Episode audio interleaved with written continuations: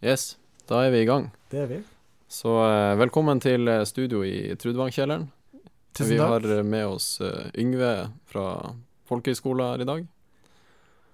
Takk for det. Hvordan har du det i dag, Yngve? Har det veldig fint. Snøen har jo dala, og man begynner å se at det, det er potensial for å komme seg på ski etter hvert. Så eh, jeg kjenner jeg gleder meg til det. Ja, ja det kjenner jeg også at, eh, at det kan bli bra. Hvor tror du det er mulig å komme seg ut først? Nei, det blir jo litt lenger østover herfra, da. Så uh, i, uh, i hvert fall kanskje det mest snøsikre er jo mot Geitgaljetinnmassivet og Higravmassivet der. Men uh, det er nok sikkert mulig å komme seg på klassikere som Piland og Sautind òg, hvis man er i hvert fall litt i høyden. Ja, jeg har hørt at i starten så er det lurt å komme seg noen plasser der det ikke er for steinete, kanskje litt gressbakke, i tilfelle det er litt tynt lag med snø. Ja, det er jo ikke så lett her i Lofoten, da. Det er ikke så mange sånn gressbakker å, å velge i, men eh, i hvert fall eh, i det området så finner man nok på både litt mer eh, snillere bakker, og i hvert fall bakker der man kan faktisk kjøre på ski. Ja. Nei, det blir spennende om man kommer seg ut snart. Det har jo vært litt vekslende med snø som har kommet, og så har den ligget i ukes tid, og så regner den bort, og, og så kommer den på nytt igjen. Velkommen til Lofoten. Det er i et nøtteskall. Ja, sånn er det. Ja, eh, jeg kjenner jo deg fra eh, her på folkehøyskolen som eh, en eh, veldig blid og syngende, syngende lærer. Så vi har hatt en del allsang med, og nå har dette podkastfaget med. Men så har du jo fått vite at du også har vært ganske engasjert innenfor klatring og livet i fjellet. Kan du fortelle litt om, om, om din inngang til interesse for, for fjell og klatring? Det um, har jo kanskje Har jo sånn klassisk barndom eh, der vi for så vidt veldig tidlig ble dratt ut med på ski. Vært veldig tidlig ute med å ligge i telt og liksom den derre Jeg tror eh, Ja, bodde på eh, lokale hytta fem minutter unna i sommerferiene, der mamma og pappa eh, skulle si hadde Den ene hadde ferie eh, i tre uker, og så bytta han på. Mens de, så ene var hjemme, og andre var på jobb, slik at vi fikk lengst mulig ferie liksom, på hytta, da, der vi var liksom, i fjæra og fiska. Og. Så det er jo en nærhet til det å være ute som tror jeg liksom har basert det i det hele tatt. Og så har jo interessen for ski kanskje vært det som har vært inngangsporten til fjellet, så veldig tidlig. Jeg husker jo kanskje tidlig abonnent av Fri Flyt, liksom. Ja, OK. Eh, mye Husker Der kom det jo med sånn skifilmer. Så var det jo spesielt en som heter Focused, da, fra Helly Hansen. Som uh, Der var en, eh, skilø en skikjører som heter Eric Pollard. Han er fortsatt uh, egentlig ganske stor på hvert fall designfronten på ski. Kanskje ikke like liksom, fremtredende i skifilmer lenger, men for en stil og for liksom en Han var ganske banebrytende på innafor line, da, spesielt, som han da produserte en, eller designa en del ski for. Så det er kanskje inngangsporten til i hvert fall det der intense ønsket om å kjøre liksom bratt og hardt på ski med djup snø og sånne ting. Ja, OK, riktig. Det er kanskje viktig å spørre hvor du, eh, hvor du er fra? Ja, eh, jeg er jo ikke akkurat fra verdens sånn fjellnavle, men eh, jeg er fra Averøya. Uh, Utafor Kristiansund, så Nordmøre. Så det er jo kanskje det nærmeste Liksom midt mellom Innerdalen og Romsdalen, da. Ja. Så jeg har eh, for så vidt vært mest liksom på Oppdal, da, det der jeg har vokst opp og starta min fjellkarriere på et vis. ja, der er det jo mye bra skikjøring. Veldig mye bra.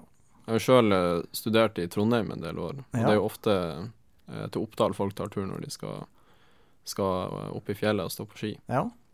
Så eh, ja, hytte, hytte i Storlidalen. Så det er jo på en måte toppturmekka der, da. Egentlig så har jeg må innrømme at jeg har ikke vært så mye i Storlidalen og kjørt på ski sjøl. Jeg har stort sett vært alle andre plasser og kjørt Ja, på ski. Men, eh, men eh, jeg skal i hvert fall tilbake dit nå i vinter og prøve å eh, oppdatere meg litt, da, om ikke annet. Ja, det, ja, det er litt sånn at man, man først begynner å Når man får en interesse, så begynner man kanskje å utforske alle andre plasser enn akkurat der man er fra, og så oppdager man hvor bra det kanskje er der man er. Virkelig. Nei, så jeg ser jo at eh, ja, når man begynner å kikke seg litt rundt nærmiljøet, så har man jo egentlig vel så mye å gjøre der som man har reist til Lofoten, for å si det sånn, for å kjøre på ski og, og Ja. klatre. Og så ja, finner man jo at det, det er like bra egentlig der man var fra. Ja. Nei, jeg kjenner jo veldig på det at jeg er jo fra Bodø, og flytta fra Bodø da jeg begynte å studere. Og da hadde jeg jo egentlig ikke den Jeg var jo glad i å gå på fjellet, men hadde ikke den samme interessen som jeg har nå, og for klatring og Så når man har bodd noen år borte, og kanskje spesielt det ene året jeg var i Nederland, der det var et helt år der det, du har ingenting i horisonten, og det er helt flatt, så begynte det å kjenne at når du kom hjem, og du da ser fjell i horisonten, så er det tegn sånn Wow, det her er det, det er noe med det i. Ja, jeg tror det er vanskelig å eh, På en måte man ja, Det er veldig lett å ferde vekk, og så kommer man tilbake igjen, og så skjønner man egentlig hva man har rundt seg, eller hva som betyr noe, og der har jo igjen Kanskje kombinasjonen fjell-hav vært veldig spesiell for min del, da. Mm. Ja, ja det, den ser jeg også. Jeg har ikke sjøl hatt så inter stor interesse for havet tidligere, men uh, jeg ser Ja, det, det er noe med det å være, uh, være havnært. Og det, ja, det skal skal jeg ikke snakke så mye om, for jeg vet ikke helt hva det er med det. uh, ja, muligheten til å komme seg ut i båt og ja, fredelig, fredelig ved havet. Men eh, ja, jeg er jo litt nysgjerrig på uh, det her uh, Nå har vi snakka litt om uh, inngangen din til ski og, og det å være på fjellet, men uh, du har jo også jobba en del som instruktør på Nordnorsk klatreskole. Ja. Så hvordan fant du ut at du skulle inn den veien? Altså at du skulle begynne med klatring og Nei, eh, der òg. Klatringa starta jo på eh, folkehøgskolen, der man ble introdusert for et lite bulderrom på jeg vet ikke, det var ikke mange kvadrat akkurat, men eh, Ja, for du har gått på Alta folkehøgskole? ja, det som tidligere het Øytun. Ja. Eh, så det var på en måte der man starta i sin spede begynnelse, og så sommeren etter så fikk man kanskje litt liksom blod på tann. Eh, Syntes det var artig. Kjøpte eget utstyr. Akka fem kortslynger og et tau og en sele og liksom, altså så sko hadde man. ja du verdens verste klatresko, hørte jeg. Ja, forferdelig. Eh, skal ikke jeg nevne navn og, og size her, men eh, jeg har eh, heldigvis funnet med noe som passer bedre etter hvert her, da. Men eh, Og så var det jo å kjøpe seg ei bok, da. Eh, så eh, Rock Climbing Anchors. Og så var det jo å eh, ut med det her utstyret. Eh, hadde tilfeldigvis eh, fått liksom eh, vetta om et lite lokalt crag. Fordi der òg så visste man jo ikke hva man hadde i nærheten, før man kom tilbake og liksom hadde på seg klatrebrillene. Ja. Så plutselig, eh, fem minutter unna der jeg egentlig bor, så er det jo noen som har vært og bolta. Og Mm. eh, gå ut, kikke opp, og der er det jo sånne bolter i veggen, da. Og så er det liksom, ja, man har liksom utstyr i orden, men så har man egentlig ikke verken lært noe, og så. Ja. Så da var det jo å stå med boka i handa nede på bakken, og så OK. eh, ja. How to equalize an anchor, liksom. ja. Eh, så da var det jo å knyte fast det tauet i treet der oppe og eh, rappellere seg ned. Hadde heller egentlig ikke brukt taubrann så mye, så det var et, et under at det egentlig gikk bra, det her. Men Hadde du prusik på selvfølgelig ikke. Det Så Nei, eh, det- ja. Læringskurven var ganske stor i starten, da. Og det Ja. endte jo opp med at eh, ja, flytta til Sogndal og studerte den høsten, og på en måte tok eh, brattkortkurs og gikk den eh, vanlige stigen, da. Men det var jo uteklatringa som på en måte kanskje var det store for min del. Det var det som liksom fascinerte meg mest. Ja. Så eh, Så derifra, så egentlig de studiene med miljøet i Sogndal og alt det, så ble jo Det bygde bare på seg, og man ble jo mer og mer interessert i alle sidene ved dem. Altså med nærheten til fjell og et større miljø, så ble man jo kjent med folk som man ble dratt med, og fikk på en måte ta del i en del sånne opplevelser som man kanskje ikke hadde tilgang til på egen hånd. Mm. Og det er jo noe jeg setter veldig stor pris på, og prøver liksom eh, Ser jo hva de gjorde for min del, med å formidle den klatregleden og ta med seg noen som kanskje ikke har like mye erfaring som en sjøl. ja, ikke sant. Ja, for du nevnte det med at du dro til det her cragget, eller crag, det blir jo en klatrevegg. Ja, eller- kl- klippe, liksom. Ja. Lokal. Eh, og da hadde du jo med deg slynger, og da var det bolter ute av det. Da var det bolter. Så når Det var kanskje det etter hvert, da, når du begynte å dra med andre, at det ble mer eh, eh, tradklatring, da, eller da du setter eh, egne sikringer i, Ja. i, i fjellsprekker. Så det mm, Jeg tok et sånn fjellklatrekurs òg i løpet av det året i Sogndal, der vi på en måte fikk i hvert fall basics. Og så eh, tok det jo sin tid, det er jo en liten investering da, å kjøpe eget utstyr eh, når det kommer til tradklatring eller naturlig sikra klatring. Ja, klatreutstyr er dyrt. Det er, men heldigvis så er det en eh, ja, relativt sånn, sånn engangsinvestering. Altså man må kjøpe seg et rack på et tidspunkt, men så varer jo det racket, eller det settet med sikringa, da. Det varer jo en stund hvis man tar litt vare på det. Ja, ikke må baile for mye. Nei, det Så eh, det endte jo opp med at eh, heldigvis var dollaren utrolig lav, på sånn fem kroner. Så jeg husker at her var det liksom bare å klinke til. Dollaren, altså Krona var megasterk, dollaren var lav. Eh, Backcountry eh, i Statner som sendte til Norge Jeg vet ikke, Det kosta jo slik og ingenting for et rack. Så eh, på, i Bø i Telemark, hvor jeg flytta etterpå, så kjøpte vi et helt rack. Og Hvem er vi? vi, det var jo jeg som kjøpte racket da, men jeg hadde jo en god kamerat, Erlend heter han, som flytta sammen og var på en måte en sånn duo der. Ja. Så eh, ivrig som man var, og så lite konsekvenstenkende som man var, så var vi en svipp innom på en måte en liten stein bak i hagen. Prøvde å sette litt utstyr, og så var det liksom lett, eh, eller retta til Nissedal og via Lara, liksom, eh, helga etterpå. Og eh, jeg kan vel si det at eh, jeg hadde jo satt en standplass, men hadde vel egentlig ikke satt en standplass der man på en måte skal Eller testa en standplass, for å si det sånn. Jeg hadde jo satt sikring, eller sittet i sikringene, men hadde jo egentlig ikke fått noen tilbakemelding. Så Du har og laga én standplass? Ja. ja. Så da var det jo å klatre, da. Jeg husker ikke hvor lang den ruta, men den er noen hundre meter, altså. Den er iallfall 300-400 meter. Hva du sa navnet på den? da? Den Dette er Via Lara, Via Lara? Ok. som er kanskje en av de mest liksom, klassiske, enkle flertøylengders rutene i Norge, da. På Mm. linje med bare blåbær. Bare enda enklere. Ja, ok. Vet du hvor mange taulengder det er? Jeg husker ikke akkurat, men eh, det er nok fort en eh, seks, sju, åtte, i hvert fall. Ja. Um, da, eh, for dem som er litt klatrekyndige, så eh, klatrer vi på to heltau som halvtau. Mm. Ikke akkurat det man skal, og selvfølgelig, vi hadde sånn guidebrems, eller føringsbrems, der vi peisa jo selvfølgelig sikra fra guidemodus fra standplass. Eh, Eller det var kanskje å sikre, sikre fra, fra sela? Nei, så vi selvfølgelig klinka jo inn eh, Vi hadde jo fått den derre eh, guide-modusen, da, så vi måtte jo prøve den. Så Ja. da var det jo liksom å sette den i standplassen og sikre fra standplassen. Jeg kan skrive under på det, det er forferdelig vanskelig. I utgangspunktet med to halvtau, fordi det låser seg jo hele tida.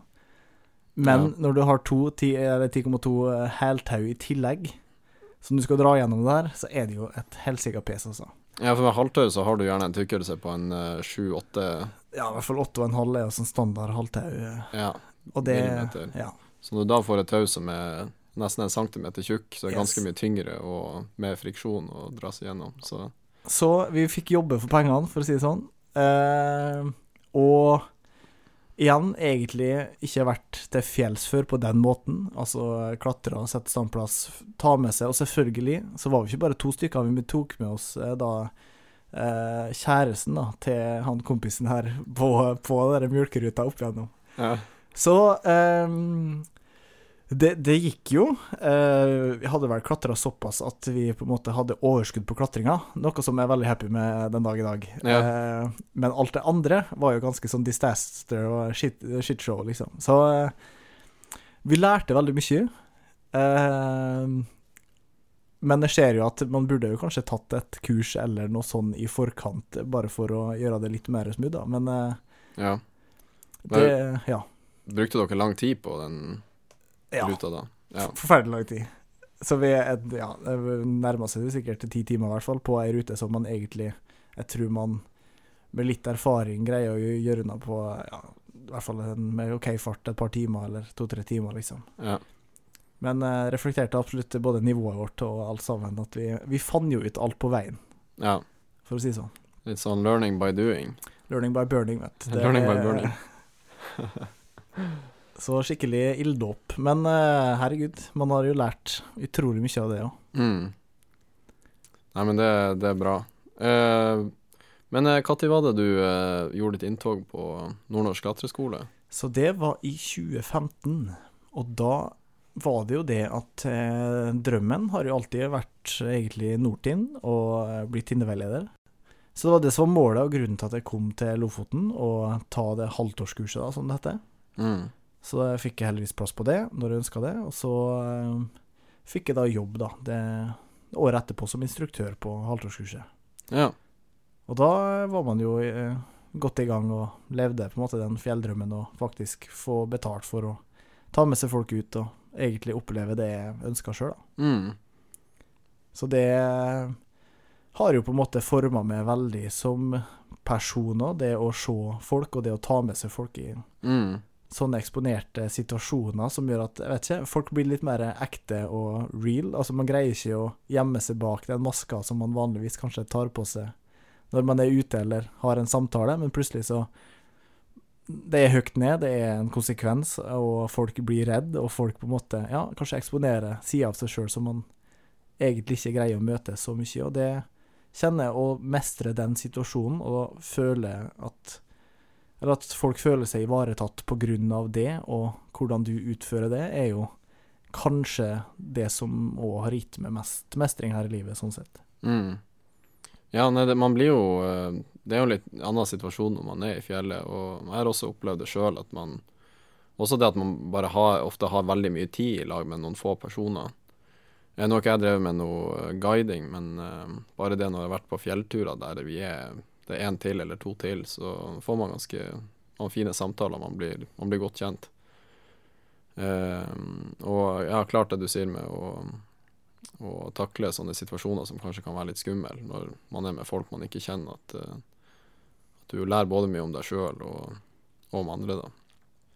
Ja, det, og det er jo som fjellet, så tilbyr jo mye læring i bare å være der med vær og føre og forhold, og det er jo Det er det som er så artig, at sjøl om man er på samme plass, så fra en dag til å At det sprutregner til en dag og være strålende sol til en annen dag som det kan snø, Mm.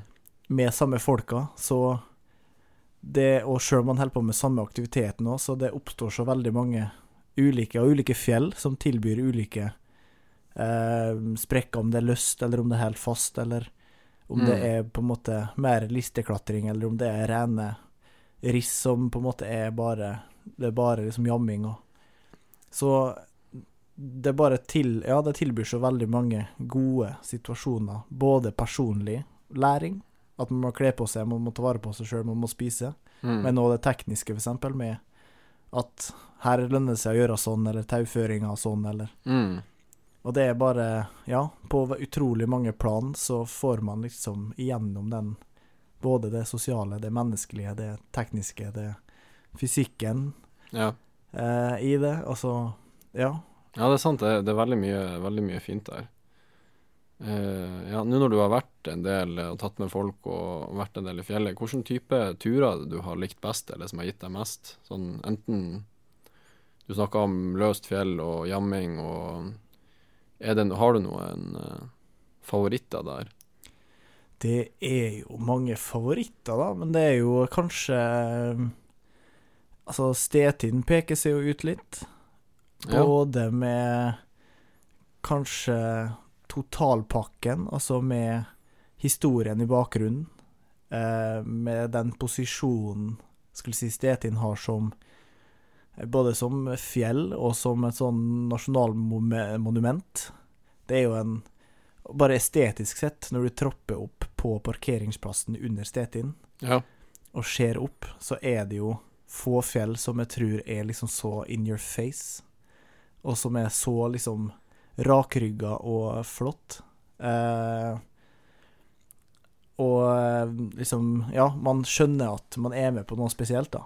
Mm. Når man står der, og når man begynner å rusle oppover. Og det tar jo Det er en ganske lang tur opp, så man får liksom reflektert, og man får sett Stettin fra litt forskjellige sider. og eh, Man får liksom bygd opp litt forventninger. Og der er liksom OK, greier man å snike inn historien på førstebestigninga med Skjeldrup og Bryn, som liksom var i de samme Og Hals fortopp. Altså, mm. man går liksom en sånn brødsmuletur, da, der det er bare sånn gullkorn som er lagt ut etter hvert, og plutselig så kan man eh, Ser man Sydpilaren, liksom.